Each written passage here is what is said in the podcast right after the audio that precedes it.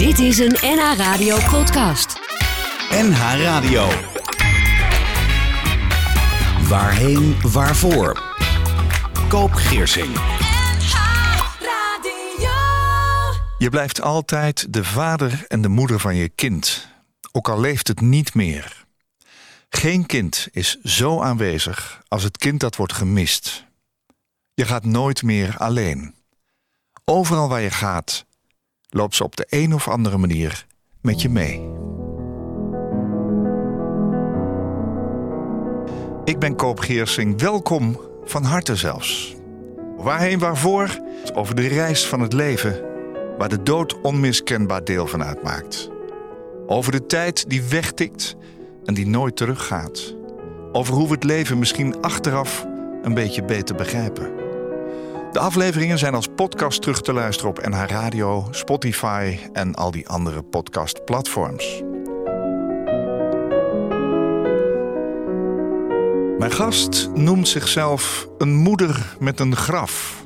Is voor altijd verbonden met haar kind dat zelf de regie nam over haar levenseinde. Mijn gast voelt zich soms rijk in het verdriet.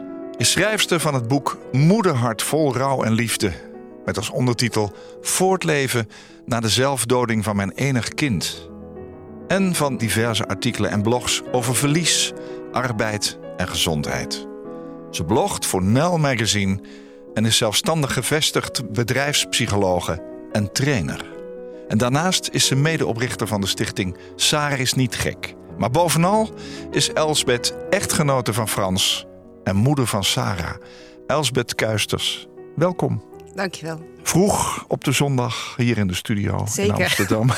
je komt uit Brabant, hè? Ja, het Oosterhout. Ja. Wat heb je een aangrijpend en ook prachtig boek geschreven. Dankjewel. Ja, ik ben er stil van. Ja. Je beschrijft het verhaal van jouw enig kind met de Joodse naam Sarah. Zij nam, Sarah, op 25 juni 2017 haar eigen leven, op 17-jarige leeftijd. ja.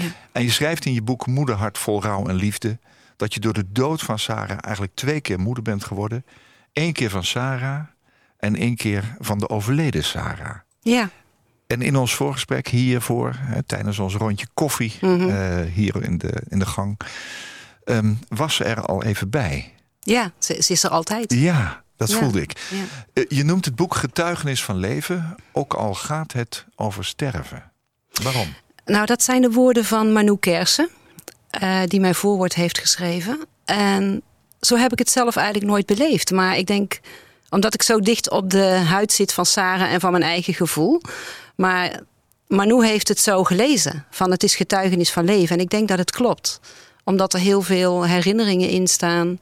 En eigenlijk is Sarah eh, in mijn boek weer tot leven gekomen. Zo voelt het. Ja, Ja, ja. Zo voel ik het als lezer ook. ja fijn. Ja.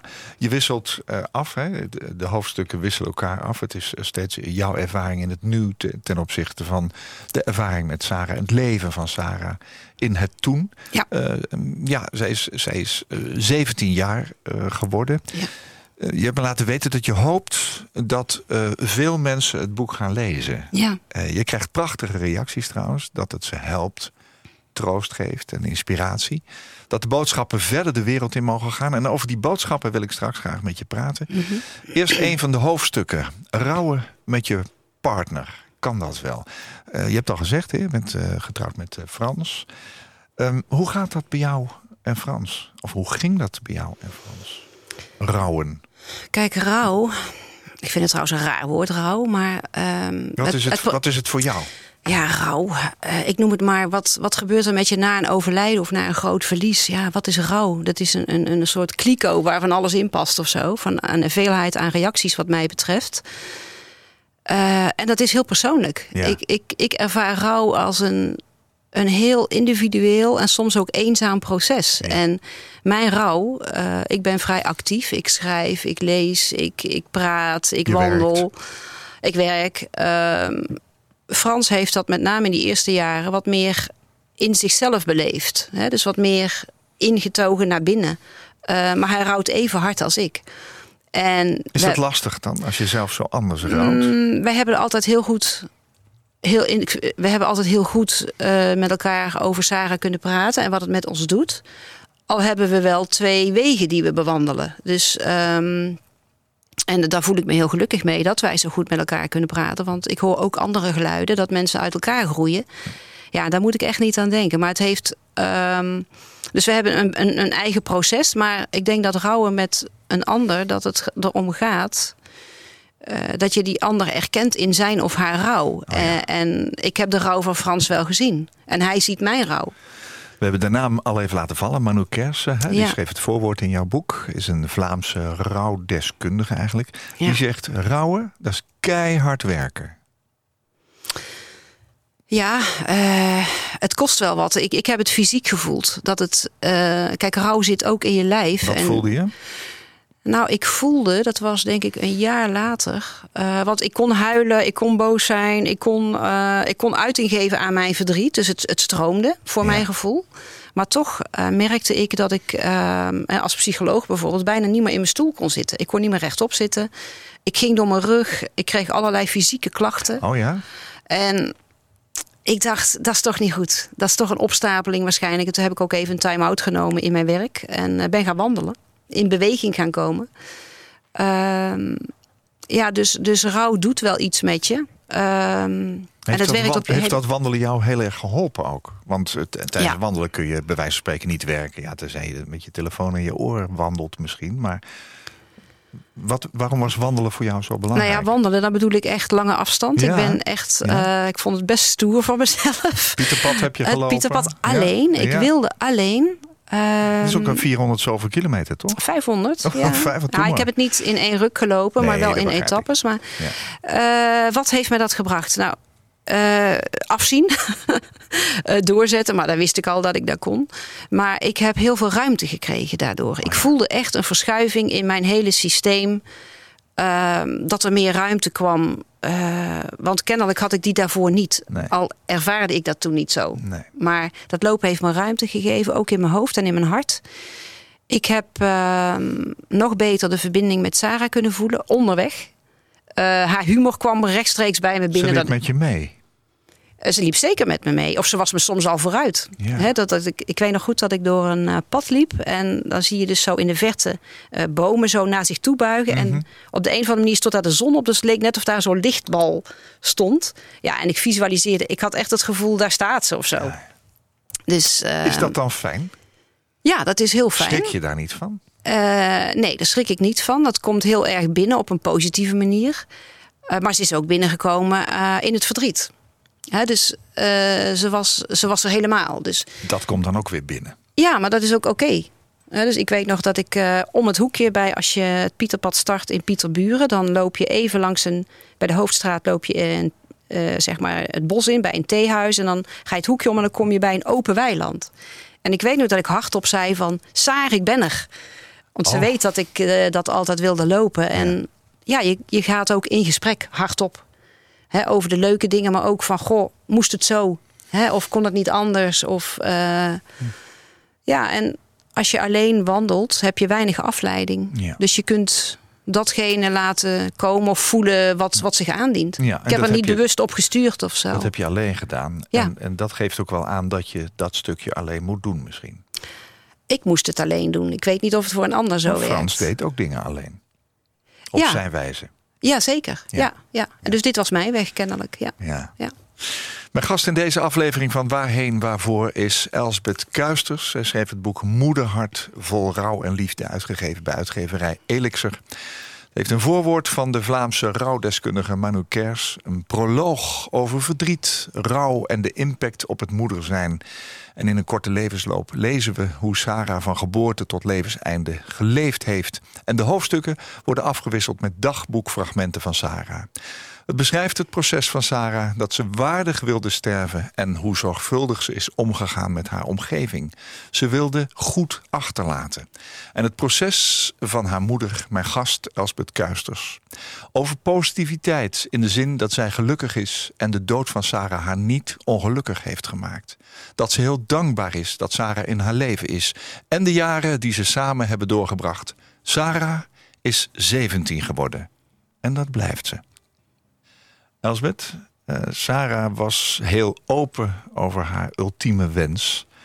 Ehm, in haar afscheidsbrief schrijft ze: Omdat ik niet weet hoe het is met mij, kan ik niet anders doen dan het loslaten en mijn vrijheid tegemoet gaan. Loslaten van het leven. Vanaf wanneer wist jij eh, en Frans dat Sarah een ultieme doodswens had? En, en wat deed dat met jou en Frans? Uh, wij wisten het veel te laat. Dus je zegt ze was open. Te laat? Uh, nee, niet te laat, maar uh, wel te laat om nog het proces te keren. Had je dat gewild?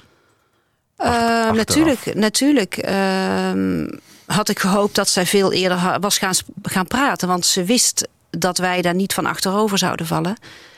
Wij schrikken niet van als je denkt aan de dood of als je suïcidale gedachten hebt. Omdat iedereen wel eens aan de dood denkt.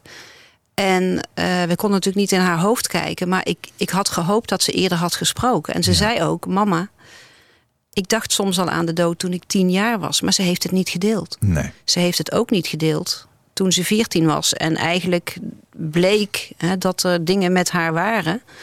Uh, waardoor we, we waren al een paar keer naar de kinderarts geweest en daar kwam niks uit. Welke dingen waren er, als ik vragen mag? Nou ja, ze had bijvoorbeeld een hele lage lichaamstemperatuur. Oh, 35,1 ja? met holle ogen, heel veel hoofdpijn. Uh, er kwam allemaal niks uit. Ja, dan kom je toch bij een kinderarts. Dus nou, die hele, dat, hele circus door. kwam ook niks uit. Uh, Sarah, ben je boos? Heb je verdriet? Uh, dat was ontkennend eigenlijk nee. En daarna leek het ook wel weer beter te gaan met een, een kleine ja, interventie, eurythmie, wat meer in het lijf komen. Ja, ondertussen begin je in de puberteit te raken, dus er gebeurt van alles met die kinderen. Maar ze leek wel weer on track, uh, om het zo maar eens te noemen. Ja. Uh, want ik heb haar natuurlijk altijd goed gevolgd. En ze was ook een heel vrolijk meisje. En heel levenslustig en uh, dansen. Creatief en vooral, hè? Creatief, ook. heel veel dansen, ja. verhalen schrijven. Sarah was echt een schrijfster. Je hebt ook um, af en toe een gedicht uit haar dagboek, zeg maar, ja. gehaald. Waarbij ze eigenlijk nog heel erg jong is. Maar waarvan ik denk, wow, ja, ik, dat is knap. De jongste is, toen zat zij in bad en ze begon een, een soort gedicht te maken maken voor, haar, voor mijn uh, zus, haar tante, die uh, ging trouwen. En ik dacht, wow, dit vind ik zo mooi. Ik zeg, Sarah, wacht even, ik pak pen en papier, ik schrijf het op. Dus dat staat deed erin. ze uit het hoofd? Dat deed ze uit het hoofd, wow, ja. ja. En, uh, maar er zijn natuurlijk verschillende stappen geweest dat zij richting ja, ondersteuning of hulpverlening kwam. En toen zij rond haar veertiende kwam ze bij een praktijkondersteuner van de huisarts. Omdat zij toch die klachten had die we niet konden duiden. En daar had ze een klachtenlijst, moest zij invullen. En daar zit een depressieschaal bij. Dacht jij toen al wel aan depressie? Nou, uh, eerlijk gezegd niet. En ik heb gezegd, goh Sarah, mag ik uh, de klachtenlijst inzien? Vind je dat oké? Okay? Ze zei, ja, kijk maar. Dus ik kijk als, als moeder, maar ook als psycholoog even naar die lijst. En ze had bij de depressieschaal allemaal nulletjes ingevuld. Wat nou, je kan dat? scoren op nul, dus van dat heb ik niet. Of één of twee.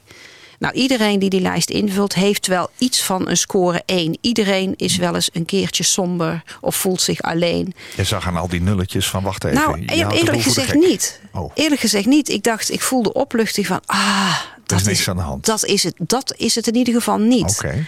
Dat is dan mijn bias misschien als moeder. Maar goed, ook de praktijkondersteuner heeft het niet gezien, heeft niet. Het is er niet uitgekomen en ze heeft het toen toen was ze 14, ook voor zichzelf niet durven uitkomen dat ze die gedachte had. Uiteindelijk, lang verhaal kort te maken, is zij, um, ik denk ik, uh, toch doorgestuurd naar een andere hulpverlener. Toen is wel duidelijk geworden, ook aan ons, dat ze die suicidale gedachte had. Zijn we ook niet van de stoel gevallen, maar meer zo van, ah, dat is het dus. Ja, maar Dan kun je het duiden. Dat, dat, dat moet toch iets met je doen? Um, Misschien ben je wel opgelucht dat er een soort duidelijkheid is, maar tegelijkertijd. Ik kan me niet herinneren dat, dat we van slag waren. Want uh, we zijn wel een beetje vertrouwd met de dood of met gedachten over de dood. Vanuit ja. ook het verleden van, van, van Frans en andere familieleden. Maar ik had eerder zoiets van: ah, dus dat is je worsteling. En fijn dat het op tafel ligt. Dan kunnen we heel gericht hulp Oh, zoeken. ja. Zoiets. Uh, niet wetende hoe diep ze zaten. Uh, want ze wilden er met ons niet over praten. Nee? Nee, nee dat, dat was een enorme schaamte. En ja, ik kan me wel voorstellen dat je als kind, want ze hield veel van ons en wij van haar, dat je. Dat is geen leuke boodschap van je papa kan en het mama. over veel dingen wel hebben, maar Ja. dit onderwerp. Ze heeft dat niet met ons gedeeld. Niet Voelde op je dat moment. buitengesloten toen? Als Op dat moment, uh, nee, op dat moment had ik zoiets van. als je maar praat. Het hoeft niet met mij te zijn. Oh ja. Als je maar eh, uit wat in je leeft. Dus ik voelde me niet gepasseerd als moeder of buitengesloten. Achteraf, en dat heeft ze ook wel gezegd ehm, in de laatste weken of de laatste maanden van haar leven. Van, ik had eerder met je moeten praten, mam. En ik wist ook dat het kon. Dat heeft ze nog wel tegen je gezegd. Ja, ja, zeker. Ja, ja. Toen was er geen weg meer terug.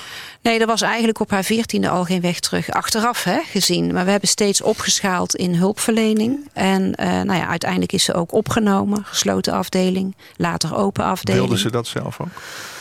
Daar zat ze niet op te springen, maar ze is niet gedwongen opgenomen. Dus uiteindelijk heeft ze daar wel mee ingestemd. Dus dat was eigenlijk een, eh, ja, toch een, een crisisopname zou je kunnen zeggen. Ehm, en toen was ze inmiddels 15. Ja. Eh, 16, denk, nee 16. En ze heeft ons heel direct, en die suicidaliteit is altijd gebleven, he- maar heeft ze toch niet met ons besproken. Ook niet toen ze is opgenomen. Nee. Eh, toen heeft ze echt afstand genomen van ons. Was er, was er ergens een moment dat je dacht... het kan nu ook iedere dag wel gebeuren? Liep je daarmee rond? Ehm, je hebt periodes achteraf, denk ik, ja, we hebben natuurlijk op een heel hoog stressniveau geleefd. Ja. Tussen hoop en vrees. Ja. Eh, maar Wat dat, tref ik aan? Weet je, weet je dat, hè? Als je thuis ja, komt en toch, toch was ik daar niet elke dag mee bezig. Omdat ik gewoon heel erg van moment naar moment heb geleefd. En ehm, kijk, er is een heel duidelijk moment geweest. eh, dat staat wel op mijn netvlies. 19 mei 2017. Toen was ze al 17. Dus een heeft ze heel- voordat ze werkelijk overleed. Eh, ruim, ruim een maand. Ja. Toen, ehm, nou ja, er zijn heel veel positieve stappen geweest. Eh, het leek wat beter te gaan met de therapie. Eh, ze mocht eh, zelfstandig gaan wonen met een hele strenge ambulante structuur eromheen. Dus het was ook een hele goede stap richting haar herstel, vonden we allemaal. Ja. En toch na een aantal weken kwam ze tot de conclusie van... hé, hey, ik kan weer beter met papa en mama praten... want dat, dat contact tussen ons, dat was ook hersteld. Ik heb uitzicht van school, ik heb goede vrienden... ik heb een hele fijne woonstudio... en toch blijf ik me zo rot voelen en gaat het niet beter. En toen heeft ze ons eh, bij de psychiater geroepen... met haar therapeut erbij... En toen heeft ze echt uitgesproken: ik wil stoppen met de behandeling. Ik wil de weg van de dood ingaan. En toen vielen we stil. Ehm, of ja, stil. Ja, we vielen stil. Ehm, we hebben geluisterd. We zijn niet boos geworden van wat maak je me nou? Uh, want wij, Frans en ik realiseerden ons allebei. Wij moeten haar wens uh, respecteren. Doen we dat niet, gaan we er tegenin, zijn we er kwijt. Zijn we er sowieso kwijt. En dat wil je kost wat kost voorkomen. Dus wij willen in gesprek blijven met haar. En uh, vanaf dat moment hebben we twee. Ze zei: Ik wil euthanasie. Ze zei: ik, ik leid ondraaglijk psychisch lijden, heb ik. En ik wil gelijkgesteld worden met iemand die fysiek ondraaglijk leed heeft. Daar ben je 17, hè? Was geen spel tussen te krijgen. Uh, zij wilde euthanasie. En haar psychiater heeft dat.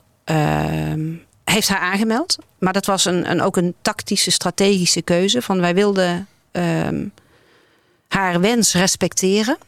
Um, en, en ik zie de levenseindekliniek was dat toen nog. Dat was voor mij een lifeline. Hè? Dat is een lifeline naar een jongere die worstelt met het leven.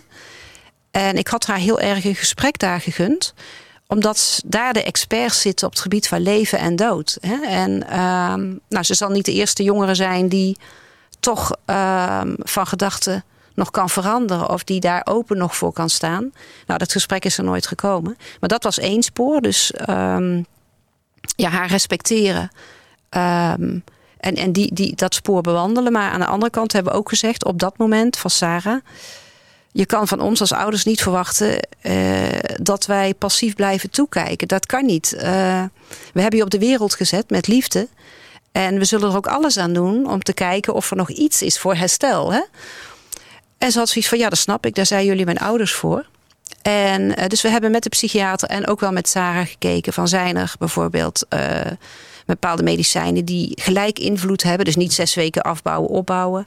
Dus we hebben verschillende medicaties uitgeprobeerd. Uh, we hebben, een, we hebben elektroshocks overwogen, kwam ze niet voor een aanmerking. We hebben overwogen een slaapkuur te laten doen. Ze zegt dat wil ik doen, maar alleen dat als ik wakker word dat ik meteen euthanasie krijg. Ja, dat gaat natuurlijk niet werken zo. Dus nou, dat was ook van de baan. Verschillende second opinions ehm, hadden we aangevraagd. Ging ze passief in mee. dus dat waren de twee sporen die we hebben bewandeld. Onder het motto in gesprek blijven met haar. Want het was natuurlijk maar dit, een vingerknip. En ze zat op de gesloten afdeling, want ze was 17. En dat is een hele moeilijke beslissing geweest van Frans en mij.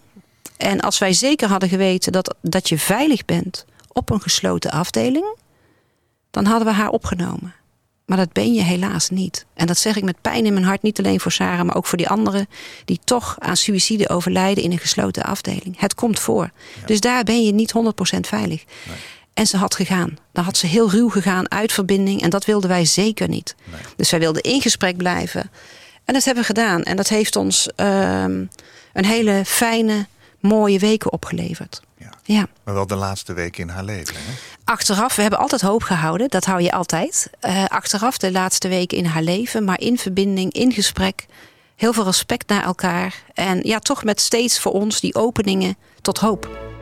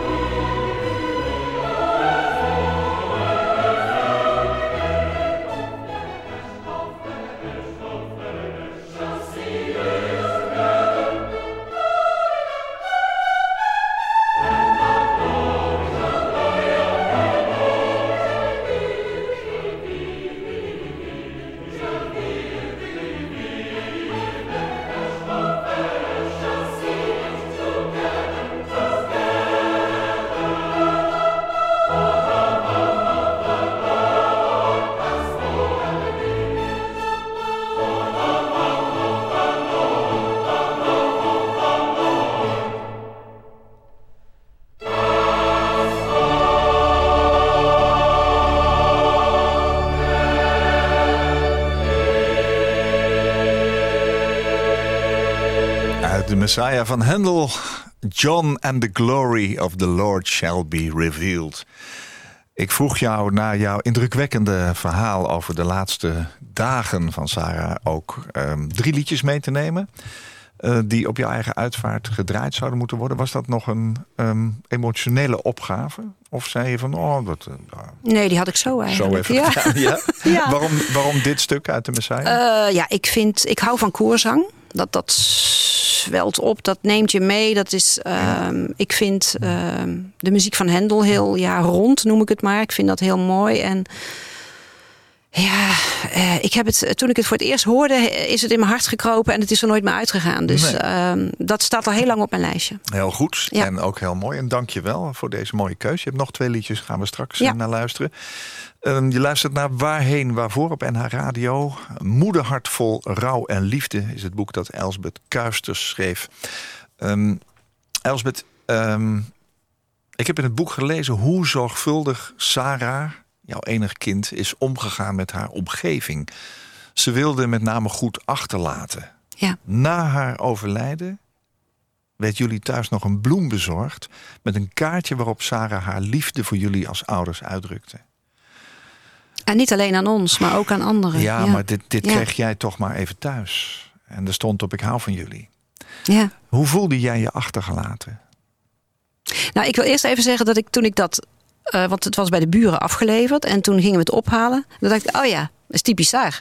Zo van, oh ja, die actie, dat is... Je had hem al verwacht, Nee, helemaal niet. Nee, dat niet. Nee, zeker, daar, daar ga je niet over nadenken. Maar toen dacht ik, oh ja, ik moest er eigenlijk wel een beetje om grinniken. Zo van, Echt dat is typisch daar. Ja, Oh, dat was mijn eerste reactie. ja.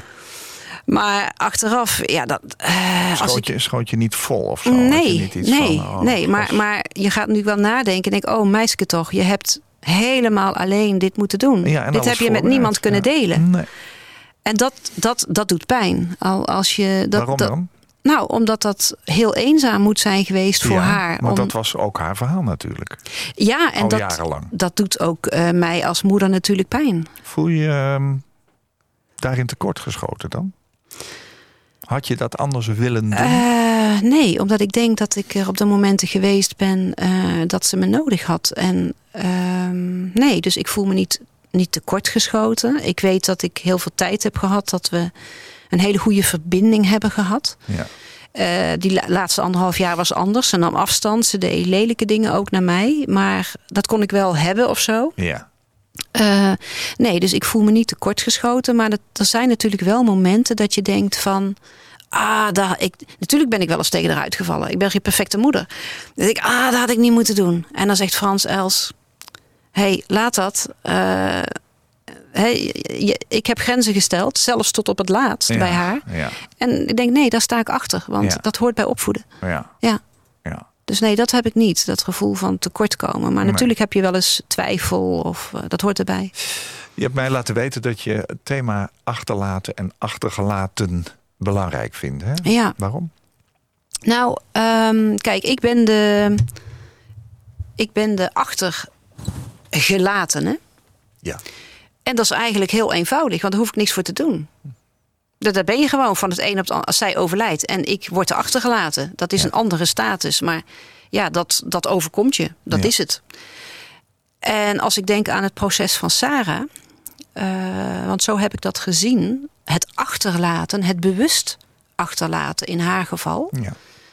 dat moet een eenzaam proces zijn geweest. Ja, het was een heel script, denk ik, waarbij ze aan alle Ja. facetten gedacht heeft. Ja. Eh, ze heeft er ook aan gedacht eh, jullie achteraf nog een boodschap te geven. Ja, dat, dat, dat was haar script inderdaad, maar niemand wist daarvan. Zou dat ook voor haar misschien wel heel fijn gevoeld hebben?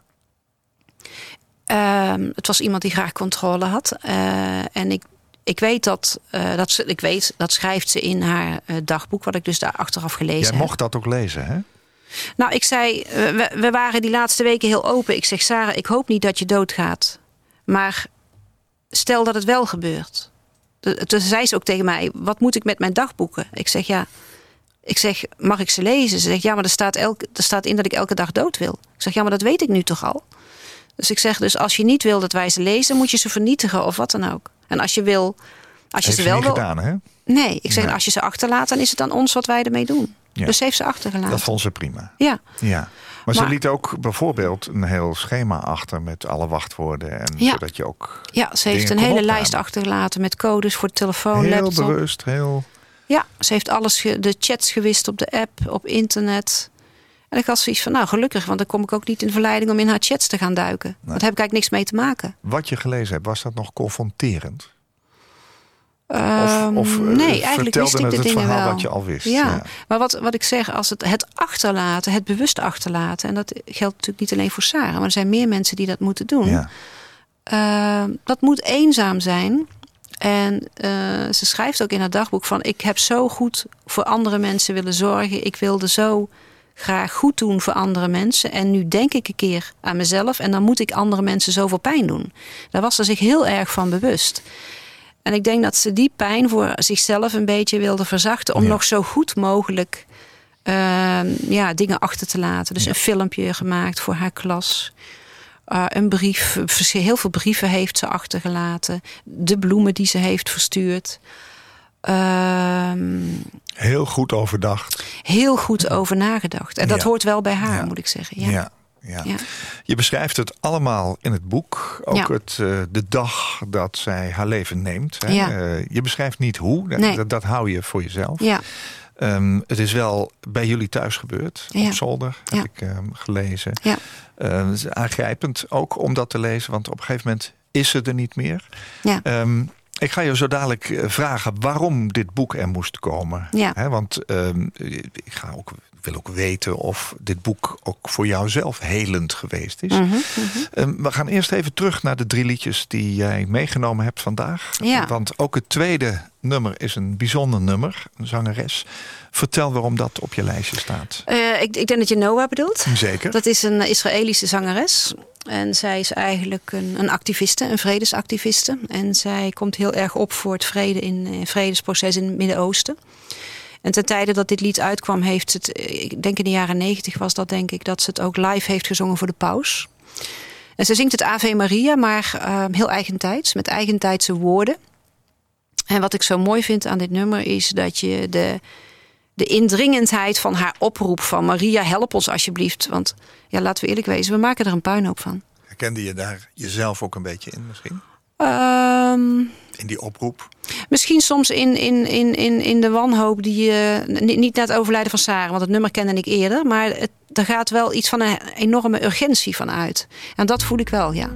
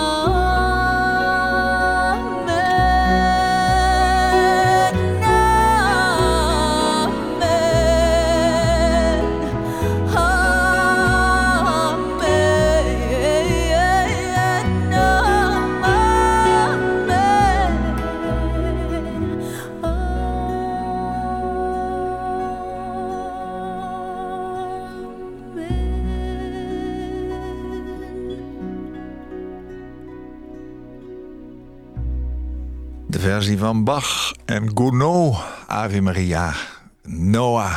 Prachtige versie. Fantastisch. Ja, Ja. zeker. Dat laatste stuk is ook eh, heel, aangrijpend. Hè? Echt heel ja. mooi. Ja.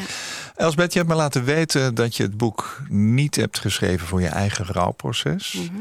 Eh, dat staat in jouw dagboek en noem je ruw en rauw. Ja. Hè? Je zegt, daar heeft de ander niets mee te maken. En vind je ook niet helpend voor een ander. Nee. Is ook niet te lezen, zeg je. Nee. Er zullen wel zinnen staan. Hè?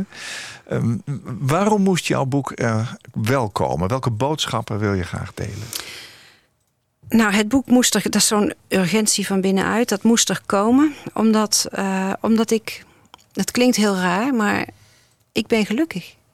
En het overlijden van Sarah eh, heeft me niet ongelukkig gemaakt. Dat vind ik eigenlijk heel bijzonder. Ik denk, hoe kan dat? Eh, zit ik het te verdringen? Ben ik het aan het wegstoppen? Rouw komt ook door liefde, hè? Ja, maar zo voel ik het heel duidelijk. En eh, ik kan mijn verdriet doorleven. Eh, maar ik heb eigenlijk altijd kunnen genieten. En dat genieten is gebleven. Ja. En ik voel heel duidelijk de liefde en de verbinding met mijn kind. Ook al is ze overleden. ja. En dat vind ik sowieso een hele inspirerende en hoopvolle boodschap. Dus die wil ik uitdragen in mijn boek. Ik wil ook heel graag eh, mensen die verlies hebben. Want laten we eerlijk wezen, iedereen heeft verlies. Dat hoeft niet alleen door de dood te zijn. Wil ik graag. ehm, nou ja, ik, ik, wil, ik wil schrijven over eenvoudige dingen die mij helpen in het verlies.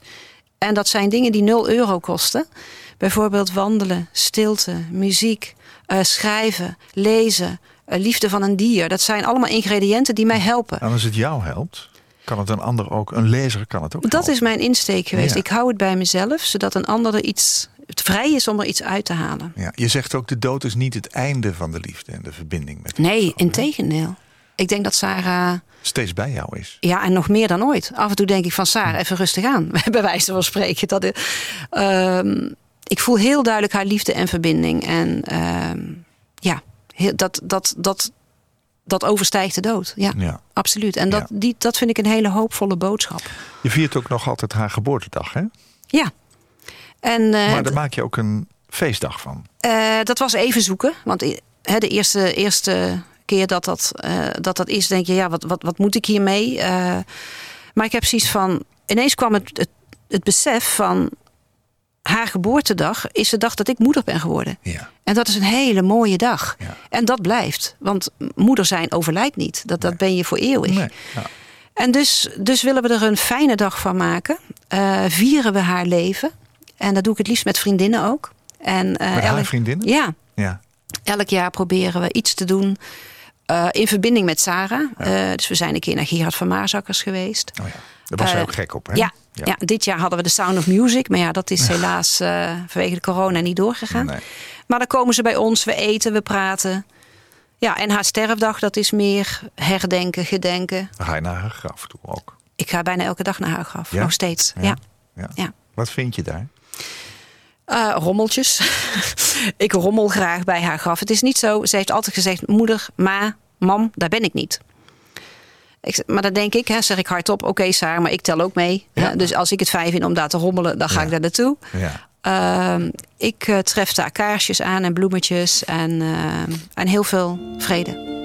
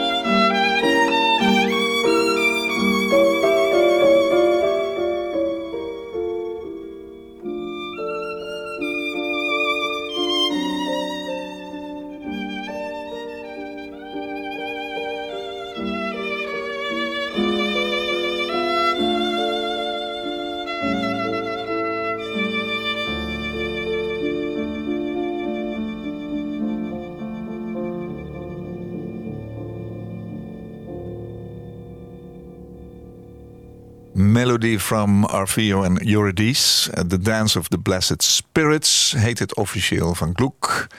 Je hebt ze wel uitgekozen vandaag. Mooi, hè? Goed, hè? Ja, waar komt dit vandaan en waarom moest dit op jouw lijstje staan? Eh, volgens mij is dit de eerste klassieke cd die ik kreeg van een collega... over allemaal vioolstukken. Ja, en dit is alles wat het leven in zich draagt. Ja, het verstilt, verzacht, het is intiem. Maar er zit ook wanhoop en strijd. Alles zit erin, het is prachtig. Ja, Ja, passend. ja. Ja, mooi. Sarah is begraven, hè? Ja. Ja. Je wilde haar niet laten cremeren, dat is een duidelijke keus geweest. Je wilde naar haar graf toe gaan, waar je iedere dag Ik heb met haar gesproken, het maakte haar niet uit. En, ik zeg, oké, dan... eh, is- ze weet ook niet dat ze begraven is natuurlijk. Nee. Dat heeft ze niet meer kunnen zien. Maar ze is begraven omdat ik het fijn vind om een plek te hebben... om naartoe te gaan en te rommelen. Ja, ja. Ja. en dat doe je bijna dagelijks. Ja. Hè? In jouw boek Moederhart vol rouw en liefde... met als eh, subtitel Voortleven na de zelfdoding van mijn enig kind... ehm, schets je ook de gevoelige jongeren. Hè? En, Ja. en eigenlijk ehm, is dat iets waar je ook met de stichting Saris niet gek mee bezig bent. Je wil openheid creëren. Want die openheid heb je natuurlijk bij Sarah toch wel een beetje gemist, denk ik, als ik het zo Ja. mag eh, vertellen. Ja. Zij deed heel veel zelf. Eh, openheid rondom psychische klachten bij jongeren vanaf tien jaar. Ja, omdat Sarah... eh, en, en Sarah zei, het begint rond die leeftijd. Ja, En we hebben onderzoek gedaan en dat is zo. Milde klachten beginnen rond eh, een jaar of 10, 11, 9. Dus als je in 7, 8 van de, middelbare, van de lagere school zit. ja. En eh, wij willen graag eh, mentale gezondheid laagdrempelig bespreekbaar maken eh, bij kinderen op de basisschool. Omdat het is, het is oké hoe je je voelt. Het is niet raar als jij anders bent dan anderen. Je mag het vertellen. Je mag het vertellen, het mag er zijn. Ja. En juist door die openheid, omdat kinderen namelijk op die leeftijd de neiging hebben om te sluiten. Want ze willen bij de groep horen. Ze willen niet anders zijn. Ja, en is, en is dat in, in de, de laatste jaren juist niet veel moeilijker geworden? Omdat we zoveel social media hebben die een ideaalbeeld van iemand laat zien waar je aan moet voldoen. Eh, ja, dat. Want de mening van anderen is voor die leeftijdsgroep, hè, tussen 10 en 12 jaar, is de belangrijkste stressbron. En wij willen graag heel laagdrempelig normaliseren. Van hé, hey, het is oké. En eh, je hebt verdriet. Iedereen heeft wel eens verdriet. Hoe en dat? Eh, we gaan in eerste instantie een magazine maken voor eh, kinderen in de leeftijd van 10, 12 jaar. En daar bespreken wij verschillende thema's van mentale gezondheid. Moeten zij dat zelf lezen of is het voor nee, ouders? dat zal altijd in, in, in combinatie met de volwassenen zijn. Dus we willen wel een pilot gaan doen op eh, de basisschool. Ja, Maar het zal ook via andere instanties uitgerold gaan worden. ja. Uh, maar de, ja, dat is, het wordt heel goed ontvangen door de, de klankbordgroep... waar we nu de, de, de, de onderwerpen wegleggen. ja. En het is een eerste stap. En Ja. mijn boek geeft een schets van de jongeren. Want Sarah is natuurlijk niet de enige gevoelige Nee, jongere. Nee, nee. en daar biedt het ook... Wil ook ehm, anderen hiermee helpen. ja, het, maar het biedt Ja. ook handvatten voor hulpverleners. Van hé, hey, ehm, kijk eens naar zo'n jongere. Zorg eens dat die beter gezien wordt. Ja. Als mensen denken, eh, ik, ik voel me aangesproken, ik, ik wil daar meer van weten, waar kunnen ze terecht? Over uh, mentale gezondheid jongeren bedoel je? Dan kun je naar de website www.saagisnietgek.nl Waarom heb je voor die naam gekozen? Um, een linkje voor Sarah, omdat Sarah bij Leven begonnen is met dit Mental Health Project. Ja. Dus wij uh, zetten postuum haar uh, initiatieven voort. Ja. Um, en het is niet raar dat je uh, soms denkt aan de dood. Het is niet raar dat je niet weet of je op een jongen valt of op een meisje. En dat dat misschien per week nog eens Ja. wisselt. Dat is helemaal oké. Okay. ja. Daarom. Ja. www.sareisnietgek.nl www.sarisnietgek.nl ja. Mijn gast in deze aflevering van Waarheen, Waarvoor op NH Radio is Elsbeth Kuisters. Ze schreef het boek Moederhart vol rouw en liefde. Over hoe ze verder leeft met de rouw om haar dochter Sarah. Die op 17-jarige leeftijd er zelf voor kiest haar leven te beëindigen. Boek is uitgegeven bij uitgeverij Elixir. En Elsbeth beschrijft in een persoonlijk verslag hoe ze omgaat met haar diepe verdriet. nadat ze haar enig kind verloor. En ze geeft haar dochter Sarah ook een gezicht. Een collage noemt ze het van rouw dat anderen kan helpen en inspireren. Het zijn levenslessen die dood ons leert voor het hier en nu. En het beschrijft de enorme liefde van een moeder voor haar kind. Ook na haar overlijden. Elsbeth, we hebben veel te weinig tijd uh, gehad om jouw verhaal goed over het voetlicht te brengen. Maar dank dat je hier was. En dank dat we een stukje van jouw leven met jou mochten optrekken. Dank dat ik hier mocht zijn. Ja, met alle liefde hebben we je ontvangen. Hoe gaat het nu met je? Goed. Ja, ja. je straalt. Ik voel me, ja, ondanks wat er gebeurd is, uh, heel gelukkig. Tuurlijk Ja. heb ik moeilijke momenten. Ja. Maar het leven wacht op mij. Wauw. Ja. Het leven wacht op mij. Ja. Daar kan ik de zondag weer mee in. ja, dankjewel Ja. nogmaals. Koop Geersing. Als jij een keer te gast wilt zijn in Waarheen Waarvoor om te vertellen over jouw levensreis, laat me dat dan weten via waarheenwaarvoor.nhradio.nl. Waarheenwaarvoor.nhradio.nl. Dit was een NH Radio podcast. Voor meer, ga naar nhradio.nl. Radio.